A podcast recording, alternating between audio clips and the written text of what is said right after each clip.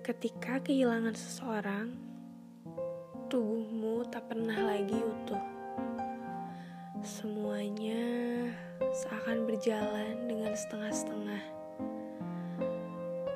Seseorang di dalam dirimu kini pergi, entah ke mana,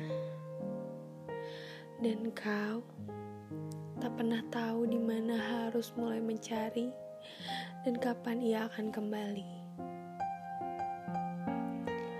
Ketika kehilangan seseorang, kau mulai berpikir kembali tentang mencari yang pergi atau memulai sesuatu yang baru. Terlalu jauh untuk memulai awal yang baru bagi harapan-harapanmu yang mulai mengabu.